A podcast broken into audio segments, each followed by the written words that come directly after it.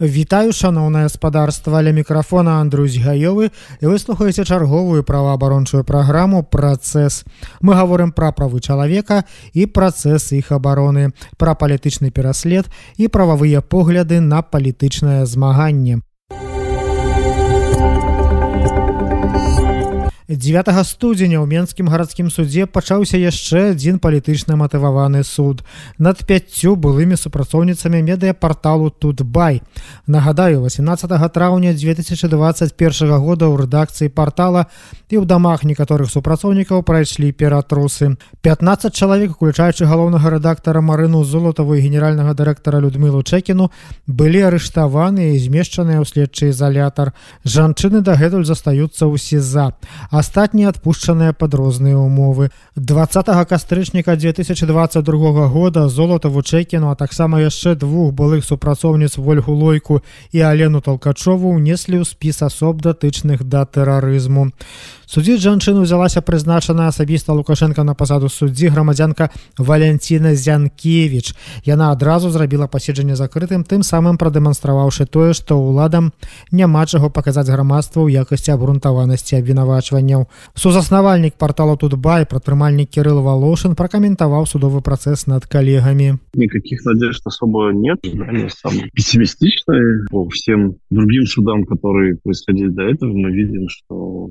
враги диктатуры в кавычках награждаются максимальными сроками, которые, возможно, по тем статьям, которые людям предъявлены. Боюсь э, увидеть цифры 10-12 лет. Ну, как минимум для Марины и для Людмилы. Ну, во-первых, Людмила и Марина не писали, насколько мне известно, прошение о помиловании. Это раз. Во-вторых, тот так называемый ущерб которые мы погасили, и так называемая правовая компенсация, которую мы выплатили, они относятся к налоговой статье. И то же самое с уголовно-правовой компенсацией. А две оставшиеся, предъявленные девушкам статьи в части разжигания розни или там в части якобы нанесения ущерба имиджу страны или управлению как-то там, особенно когда портал лежал народными массами, выходившими на улицу, по ним не выплаты ущерба, ни компенсации не подразумевается. Поэтому влияние не знаю какое. Ну и самое главное, из пяти вот обвиняемых, которые будут на этом суде, ни Людмила, ни Марина не писали прошение на помилование. Это показательный суд, как и многие суды над э, правозащитниками или над э, участниками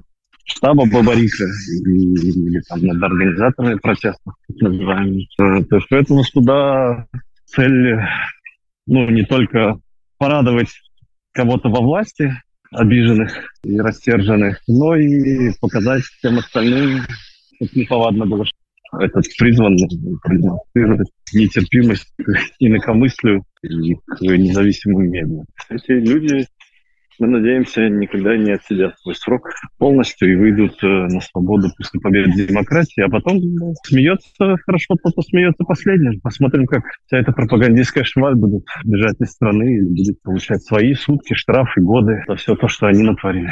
А с одной стороны, а с другой стороны, ну, тем не менее, 13 человек смогли хотя бы свежие месяцы последние про про провести дома с семьей. Вот, и часть людей мы надеемся, будет освобождена по факту уплаты и ущерба так называемой правовой компенсации, уголовно-правовой компенсации. Мы не держим э, никакой связи с э, дипломатами или дипломатическими представительствами, но, безусловно, мы ожидаем, что суд по Тутбаю, по делу Тутбая будет также и, ими посещен, если, собственно, будет такая возможность. Давайте, скорее всего, поддерживать не конкретных журналистов, а поддерживать свободу прессы.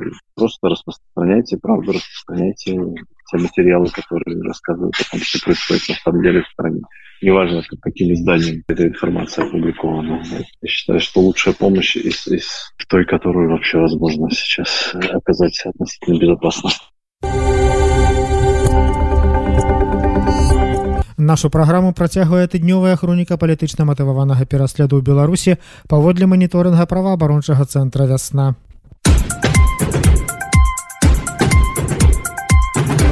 На тыдні ў Мску затрымалі ўсю сям'ю рэпетытараў матэматыцы кіраўніка рэпетыцыйнага цэнтра 100 балаў Евгена Левянта. Яго самога затрымалі яшчэ 28 снежня, а на мінулым тыдні карнікі схапілі ягоную жонку, дачку і зяця. Як можна меркаваць з размешчаных у прапагандысцкіх каналах відэа, усіх іх вінавацяць ва ўдзеле ў пратэсных мірных сходах 2020 года. Таксама пазней стала вядома пра затрыманне яшчэ аднаго з заснавальнікаў цэнтра 100 балаў Алексея Іванова. Усіх іх палічылі вінаватымі ў дробным хуліганстве і арыштавалі на тэрміны ад 14 до 15 сотняў. У горадні прызначана асабіста лукашенко на пасаду суддзі Наталля горбач прысудзіла абмежаванне волі на год гарадзенцу Дмітрыю Анчукову за тое, што ён нанёс чатыры пратэсныя надпісы на тарцы дамоў і прыпынак грамадскага транспарту.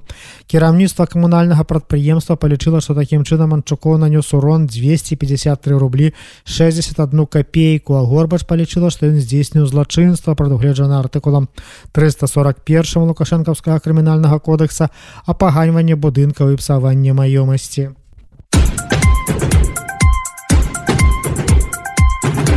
У канцы лютага 42гадовы прадпрымальнік Александр пералічыў каля 2000 еўра для украінскай арміі. Пасля гэтага яго забралі на размову ў КДБ, а потым абвясцілі падазраваным у фінансаванні тэрарызму. У дадатак арыштавалі кватэру бізнес асабістыя рахункі, нават карту 10гадовага сына з інваліднасцю. Мужчына паспеў з'ехаць разам з сям'ёй, але сілавікі ўзяліся за яго бацькоў, настойліва патрабуюць, каб яны ўгаварылі сына вярнуцца ў краіну. Інакш пагражаюць маці і бацьку арыштамі.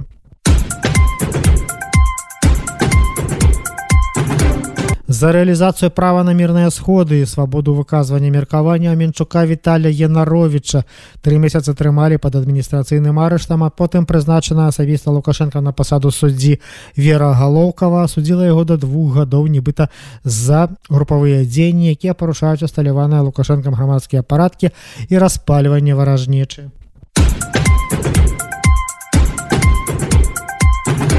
Прызначана лукашенко на пасаду суддзі ў менскі гарадскі суд Анастасія папко вынесла суворыя прысуды яшчэ тром лідарам незалежных прафсаюзаў. Яна абвінаваціла іх у закліках да захада абмежавальнага характару якія могуць нанесці шкоду беларусі распальванню сацыяльнай варажнічы і стварэння экстрэміскага фармавання. У выніку былога кіраўніка незалежнага прафсаюза работнікаў радыё электроннай прамысловасці геннадзя федыніча папко загадала кінуць у лукашэнкаўскія калоніі на 9 гадоў.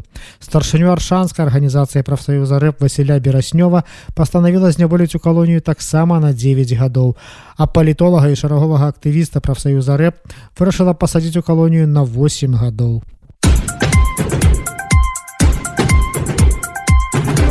У Менску карнікі з губазіка затрымалі святара менскага храма Божай маці ўсіх тужлівых радасці Дзяніса Карастэлёва. У праўладных тэлеграм-каналах карнікі распаўсюдзілі відэа, дзе яго прымусілі прызнавацца і раскайвацца у тым, што падчас імшы ў царкве ён памаліўся за воінаў і абаронцаў Украіны.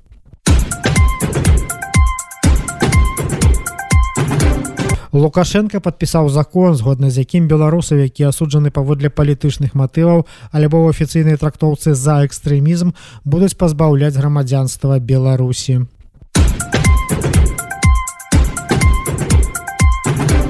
За рэалізацыю права на мірны сход праз удзел у мірных пратэстах у двадцатым годзе лекара кардыолага рэспубліканскага навукова-практычнага цэнтру кардыялогіі прызначана лукашенко на пасаду суддзі маргарыта ланцевич асудзіла на два з паловай гады абмежавання волі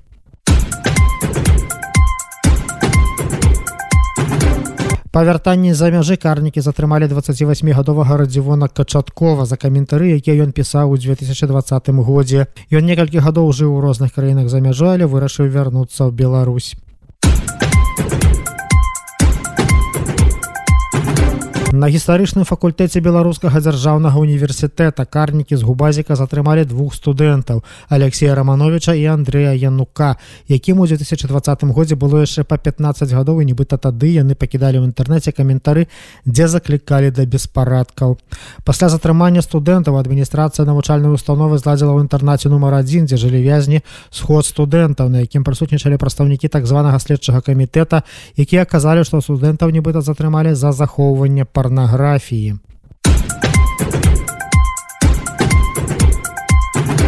Карнікі выставілі абвінавачванне кіраўніку крамы беларускай нацыянальнай сімволікі сімбальбай і культурна-асветніцкай установы амарока паулу белавусу яго вінавацяць у здрадзе дзяржаве арганізацыі падрыхтоўцы дзеянняў якія груба парушаюць усталяваны лукашэнкам грамадскі парадак закліках да дзеянняў накіраваных на прычыненне шкоды нацыянальнай бяспецы беларусі і кіраванне экстрэміскім фармаваннем.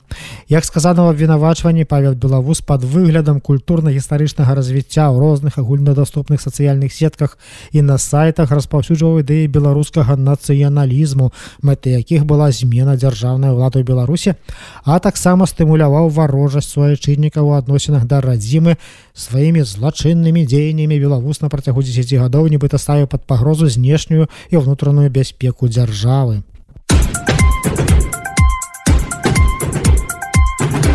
На гэтым сёння час нашай праграмы вычарпаны. Я Андрусь гаёвы развітваюся з вами пачуемся ў наступнай праваабарончай праграме працэс